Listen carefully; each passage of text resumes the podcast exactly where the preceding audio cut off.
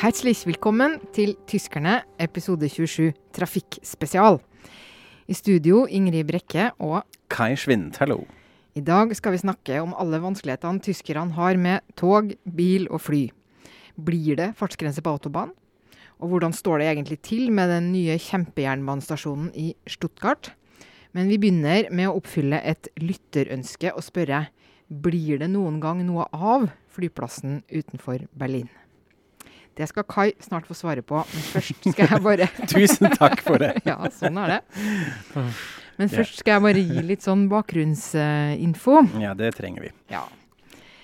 Flyplassen ble altså påbegynt i 2006. Da var det en hel gjeng som satte et entusiastisk spadetak og ble fotografert. Og så skulle den egentlig åpne i 2011 for første gang. Og den skulle koste to milliarder euro. Men så ble det utsatt. Først et år, og så et år til, og så gikk det slag i slag. Eh, og det har vært skrevet lister over mange, mange tusen feil. Noen av dem er manglende brannsikring. Det har vært det alvorligste. Eh, men det gjør også at da dører som ikke åpner seg, lyset som man ikke kan slå av, trær som er planta på feil sted, og min favoritt, for korte rulletrapper. Ja, den er helt fantastisk. Hvordan er, hvordan er det mulig, egentlig? Ja, jeg har jo sett bilder. Ja, ja. At rulletrappene bare begynner, og så ja, mangler det noen trinn i bunnen. ja, nei, det er jo helt vanvittig. Og særlig at det er montert og Ja, nei. Det er mye mystisk. Eh, for noen år siden så hørte jeg jo et forslag om at uh, man bare burde gi hele flyplassen til kunstnere. Det er jo en sånn berlinsk løsning på en knute, og så begynne et annet sted. Eh, men eh, det har de da ikke gjort. De har fortsatt. Og hva tror du, Kai? Kan vi noen gang lande på Willy Brandt-flyplassen Berlin-Brandenburg? Ja, hvem vet. Altså Strengt tatt gjør man det jo allerede, fordi rullebanene er jo allerede i bruk. Også når man skal lande på skjønne felt, ja. så lander man jo iblant på faktisk Willy Brandt sine rullebaner, så kjører man forbi det tomme, store terminalet som er litt sånn creepy, som i en postapokalyptisk ja, skrekkfilm. Men ja, altså hadde jeg visst, eller hatt svaret på dette, hadde jeg vært en rik mann. Jeg aner ikke, jeg vet ikke. Og det er jo selvfølgelig utrolig lett og utrolig gøy å gjøre narr av, det hele, men jeg må si at jeg har sett en del dokumentarer om dette nå, um, hvor det er veldig interessant å se. Da fikk et TV-team komme inn og filme inne, innenfor bygget. Mm. Det er også faktisk ganske fascinerende og rart hvor langt de har kommet. Dette ser jo ut som en helt ferdig flyplass. Ja. Uh, og man skulle tro ja, nå må man jo bare litt sånn åpne døra og slippe inn passasjerer, så er man i gang. Men det er Teufel steckt im Detail, som man sier på tysk. Uh, hva er dette på norsk? ja, jeg tror det er sånn djevelen sitter i detaljene. Ja, eller, ja. Ja, altså så det siste gang Jeg har fulgt med en liten sånn kronologi. De hadde 160 000 registrerte småfeil eh, i 2012. Og noen, noen, av dem var store òg, eller? Og noen store òg, ja. men det, de har, altså, det, er en sånn hel rapport med alle ja. disse feilene. Og nå har de klart å gå ned til 17 000 småfeil ja. i fjor. Så jobber man kanskje litt sånn ned lista uh, med en del av de koselige ting du har, du har vært inn på. Men uh, hele prosjektet er jo helt uh, absurd. Dette er litt sånn Murphys law mm. i nøtteskall. Altså alt som kan gå galt, går galt. Og vi vil faktisk anbefale, vi skal lenke til dette, en fantastisk podkast som heter How to fuck up an airport. som er en dokumentar om nettopp Willy Brandt-flyplassen, lagd av Radio Spetkauf. Dette er et en podkastprosjekt fra Berlin på engelsk, uh, hvor de da går veldig detaljert fram i, i, dette. Tre episoder som vi skal lenke til. Veldig gøy. Mm. Ja, uh, mine to favorittanekdoter med hele det Willy Brandt flyplass-disaster er egentlig det ene at man har allerede bygd en togforbindelse, altså en sånn shuttle-strekke. En slags S-bane? En S-bane uh, fra terminal til sentral-Berlin, jeg tror til Alexanderplass. Og denne S-banen må kjøre én gang i døgnet. Det gjør de midt på natta for å bevege lufta i tunnelene mot mm. flyplassen. At det ikke dannes for mye mygg, uh, og at det blir for rusten. Så de må kjøre en sånn tom uh, S-bane-togsett uh, gjennom tunnelen. det er veldig stakkarslig, men det er sant. og den andre er kanskje det man ofte glemmer. Når den skulle åpne allerede 3.6.2012. dette var jo et planlagt, fastsatt dato som Ja. man avlyste ganske kjapt på forhånd. Ja, Husker du jeg tror det var sånn tre-fire uker Ja. før. For jeg satt nemlig på kontor i Berlin, fikk denne e-posten inn, at det er utsatt på ubestemt tid.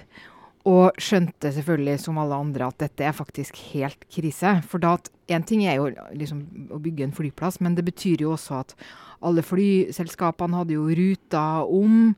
Eh, folk hadde, altså Air, hele flyselskapet Air Berlin skulle jo ha dette som sin nye sentral. Ja. og hadde, ja. Sånn at det er jo en helt enorm sånn logistikk og planlegging som har gått inn til at det skulle skje på den datoen, Ja. og så bare skjer det ikke. Ikke sant? Og det er det jeg skulle si. eh, Det man egentlig aldri har tenkt på, at Tegel skulle jo legges ned, altså den Ja. andre flyplassen i Vest-Berlin.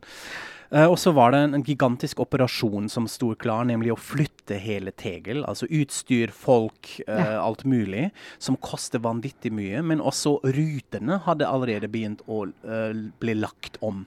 Så hørte jeg et intervju med en en mann som har kjøpt en flybillett fra Berlin til London, eller hva det var. Og på billetten sto det da, i disse junidagene Ja. i 2012, reise fra Tegel til London, og Ja. tilbake fra London til BER, Ja. til Willy Brandt-plass. Så, blir det kansellert, alt blir ombukt. Det koster vanvittig mye penger å Ja.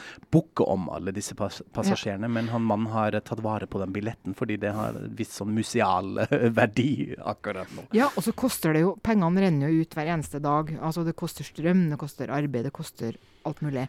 Og jeg husker også eh, etter ja, La oss si det er fire år siden, da, eller noe sånt. Altså I begynnelsen så var det jo eh, dette Ja, det var rystende og forferdelig og sånn, men det var også litt artig, på en måte. Og så kom det til et eller annet punkt, når jeg uh, ankom Berlin igjen, tok en taxi, og det, og det ikke var artig lenger. Altså, Drosjesjåførene ville ikke le av det. Det var ikke Ja. artig, det var bare fullstendig katastrofe. Ja. Og en ting er at det er pinlig, men det er jo den derre følelsen av skattepenger som renner eh, ut av vinduet, altså.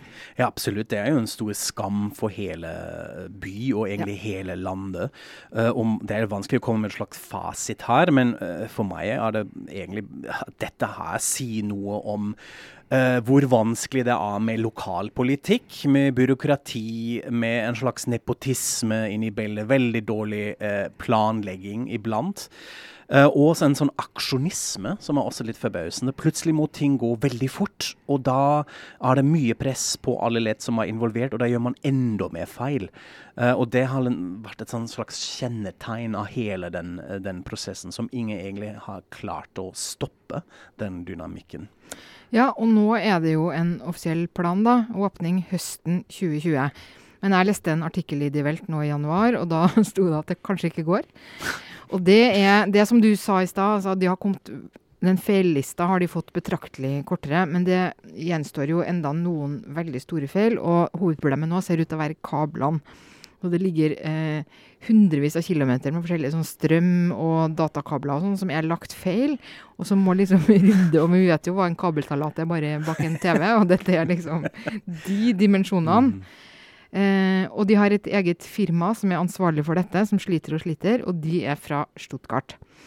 Og der eh, fikk vi en fin overgang til å snakke litt om jernbanestasjonen i Stuttgart. Mhm. For nå, altså denne flyplassen i Berlin, Brandenburg, hvor den jo egentlig ligger, den ser ut nå til å koste sånn 6-7 milliarder euro per nå. Det er en tredobling siden begynnelsen. Men likevel er det ikke det dyreste infrastrukturprosjektet i Tyskland som folk er fortvila over, for det er nemlig jernbanestasjonen. Mm. Den leder den er nå oppe i over 8 milliarder euro, altså 80 milliarder kroner. Og Kai, hva er nå dette for, for noe greier?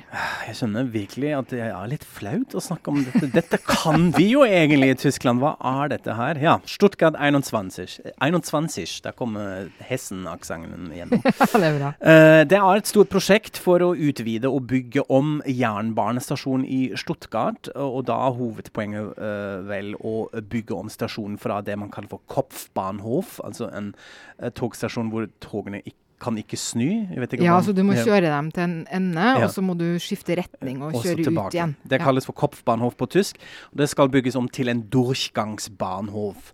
Uh, altså at man kan kjøre rett rett, gjennom. Uh, med uh, en liten sånn, tilleggsutfordring, nemlig at alt skal ligges under jordet. Tolv meter under bakken. Så dette er et veldig ambisiøst prosjekt. Og når man bare ser på hvem som står bak med finansieringen, uh, dette allerede veldig sånn opplysende. Det er Deutsche Bahn, selvfølgelig, som er en av hovedfinansiører. Men også staten Tyskland er med. Dette måtte bli vedtatt i forbundsdagen, at man gir penger til dette, såkalte bondesmittel. Så også delstaten Baden-Würtemberg, regionen Stuttgart, som er noe annet enn byen Stuttgart, som også er med pluss flyplass GmbH Stuttgart. Det er altså også en flyplass involvert eh, i det hele, og da burde alle varsellampene går på. Og hvis ikke det er nok byråkrati, så er også EU involvert i hele finansieringsprosessen. Så man kan jo tenke seg at dette er noen av de største utfordringene, å sammenkjøre alle disse byråkratiske utfordringene da. Ja, og så er det jo noe med hvorfor er alle disse involvert? Jo, det er jo fordi at dette er jo eh, en av de tettest befolka og aller mest trafikkerte Eh, delene av eh, Tyskland. Sånn at den der drømmen om å få kjappa tog gjennom Stuttgart, at de bare kan dure gjennom og videre til hvor de nå skal, Frankrike, andre eller av Tyskland, hvor som helst. Det er jo et veldig begripelig og, og godt formål, da. Mm, absolutt. Ja. Hvis vi sammenligner Stuttgart 21 med Willy Brandt-flyplassen, så kan man kanskje si at fra begynnelsen har det vært store protestaksjoner mot dette. Altså stor motstand i befolkningen i Stuttgart. Uh, som også har etter hvert blitt ganske voldelige. Uh, voldelige demonstrasjoner som har blitt slått ned av politiet. Da er det mest uh, en protestaksjon i 2010 eh, hvor man protesterte mot uh, hygging ned av 25 veldig gamle trær i Slottsgaten. hvor politiet gikk ganske hardt frem. Det blir vannkanon og pepperspray, og folk blir skada. Og så mange politimenn anmeldt etterpå. Så dette har snudd i stemningen ganske fort. At befolkningen ikke helt ser verdien til dette. De ser at man ødelegger miljøet, naturen, og til en viss grad også byen, eh, så eh, var det veldig vanskelig å selge dette inn som noe bra. Ja, jeg var jo der eh, som reporter. Ja. Det var vel en liten stund etter de mest voldelige aksjonene, men, men det var jo da jeg oppdaga at, at tyske miljøaksjonister de er ikke nødvendigvis unge raddiser med langt hår, eller for den saks skyld gamle raddiser med langt hår. Det kan også være pene borgerfruer med perler som klamrer seg til trær, for det var det veldig i Stuttgart. Altså, det var veldig det var sånn klassisk konservative mennesker som nettopp var veldig opprørte over denne Slottsparken med de freda trærne og ja. Det er det, Slottsparken, men også det gamle bygget, eh, som også er vernet til en viss del. At det sånn, egentlig var kulturminne? E, ja, altså ja. Denkmal, unter Denkmalschutz, som ja. det het på tysk, hvor man har allikevel uh, revet ned deler av dette. Så da ble folk veldig opprørt. Ja. Så det er det der, men også en ting som jeg syns er veldig, veldig, gøy, at uh, bl.a. at den nye togstasjonen er skeiv fra det ene ende til den andre plattformen. Den har en helling av fem promille, som har jo, gir en stor utfordring til hele statikken uh, inni dette, og som også etter hvert påvirker hele brannsikring, brannsikringen uh, igjen. At det er vanskelig med rømningsveier opp, og igjen ikke ah. gjennomtenkt. Ah. Så ja, vi får se hvordan det går. Vi snakkes igjen i 2025 ja. og se om vi kan ta tog gjennom Stuttgart, eller om vi må snu toget vårt. Ja, og så er det jo nettopp det der hvor artig vi syns det er å gjøre litt sånn narr av eh, Tyskland når de ikke klarer å leve opp til sitt eh, gode navn og rykte for orden og planlegging. Men eh, jeg leste en sånn forskningsrapport om hva er det, som, hva er det disse gigantoverskridelsene egentlig eh, skyldes. Og en hovedgrunn er faktisk at man er Det ligger kanskje litt i menneskenaturen. At man er for optimistisk fra start. Man vil gjerne ha det. Man uh, tror det skal koste mindre. Man uh, tror det skal gå, være enklere. Og man tror gevinsten av et prosjekt skal bli større enn det egentlig er. Uh, og dette er også ofte litt sånn politisk taktikkeri. At mm. alle vet at man får jo ikke Altså man må jo ikke Ingen vil kaste skattepenger ut av vinduet, sånn at man slår av litt, liksom. Og så skjønner alle at uh, ja, ja, det blir kanskje litt dyrere. Og så når det bare blir noe av til slutt, så er jo alle glad. Men her er jo problemet at det kanskje Ja, blir det noe til slutt? Vet ikke. Og i, i flyplassen Berlin-Brandenburg så har man jo også hatt den, den derre spesielle problemstillinga av at politikerne selv skulle være byggeledere. Og det er vel i hvert fall en lærepenge derfra. At man må hyre inn profesjonell byggeledelse, og ikke sitte der og tro at man kan uh, drive milliardprosjekter som om man er entreprenører. da. Ja, absolutt. Og så er det virkelig denne linken til lokalpolitikken som du, som du har vært inn på. Nemlig at disse store infrastruktur, infrastrukturprosjekter er ofte sånne prestisjeprosjekter, hjertesakprosjekter til politikere. At de blir brukt som kampsaker i valgkamp. Og så er det plutselig veldig mye press, veldig mye oppmerksomhet rundt dette. Og alle spør hvorfor tar det egentlig så lang tid, eller hva er det som er feil her eller der. Og så blir man kanskje går man litt irrasjonal fram. Uh, at man begynner å utøve veldig mye press og uh, gå til denne aksjonismen som jeg har vært inne på. At plutselig mm. må gå alt veldig, veldig, veldig fort, og man lager mange flere feil. Ja, da skal vi over på noe som går veldig, veldig fort. Nemlig eh, Nå er det bilens tur.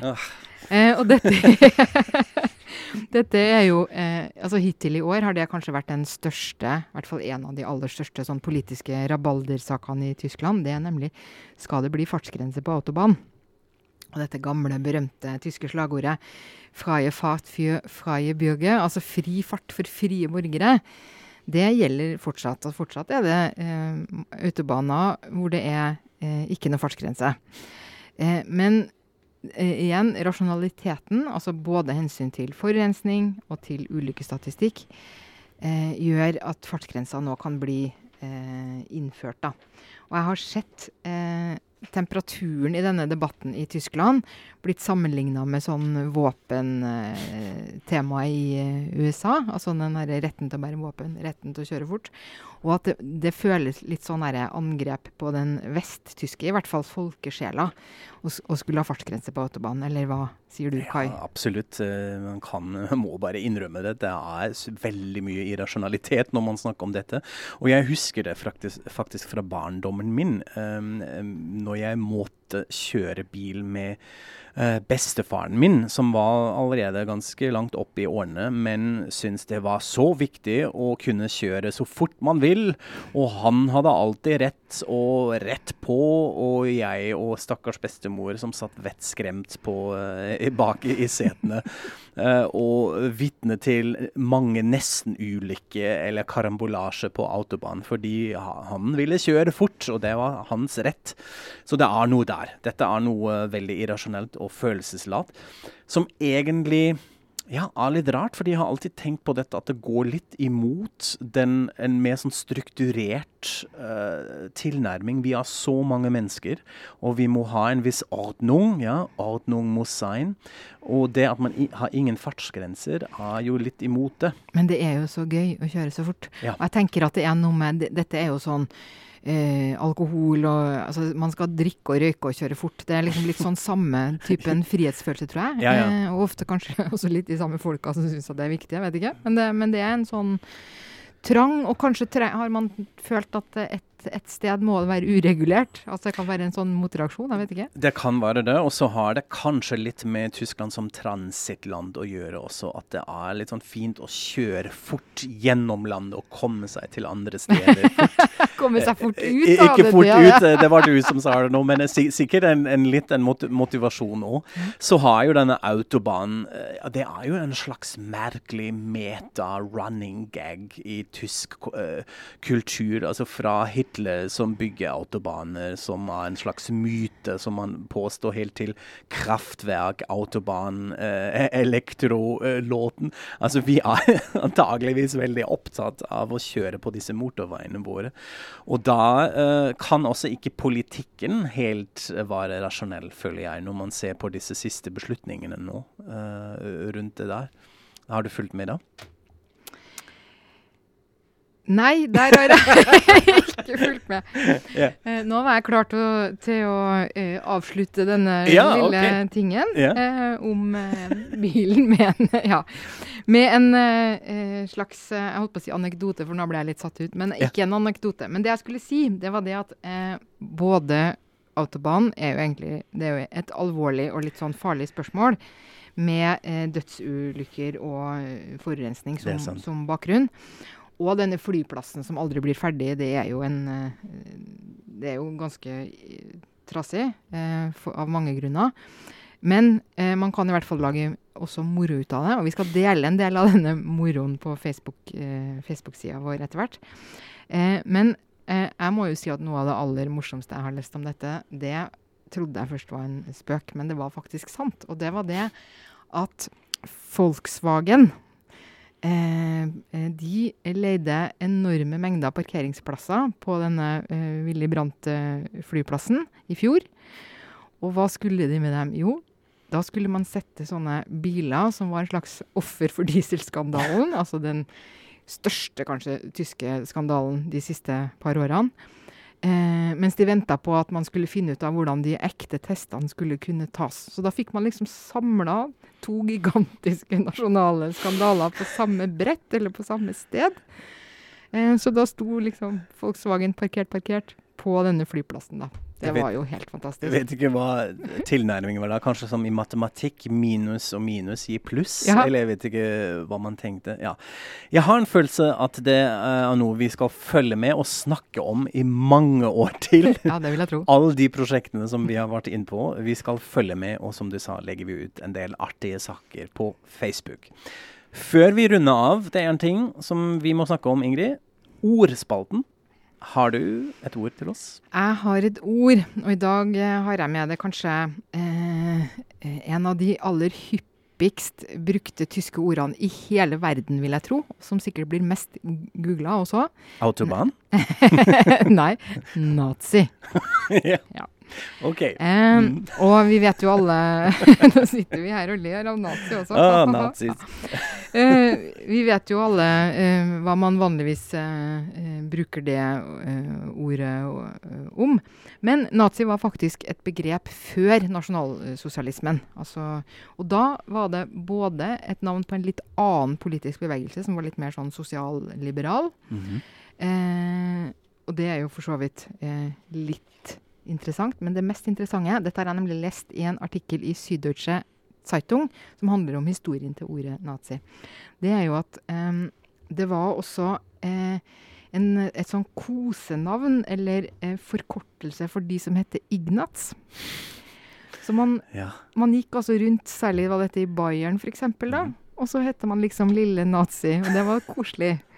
Eller Nats kunne man Nats. også bare hete, da. Ja. Så sånn var det for veldig, veldig eh, lenge siden. Er egentlig Ignats et kjent navn i Norge? Nei, Nei jeg syns det er kjemperart. Ja, er, jeg syns også det er veldig rart, og den ja. er veldig gammeldags. Ja. Uh, men ja, det tenkte jeg nå, at ja. uh, noen tenker kanskje det.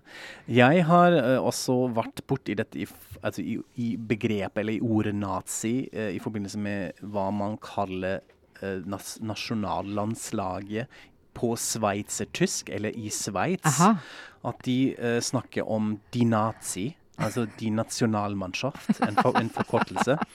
Uh, skal, skal, vi se på hvordan de nazi klarer seg uh, i kveld? Som er veldig rart for uh, høytyske ører, i, i, hvert fall. ja, det vil jeg tro. Mm -hmm. Det vil jeg tro.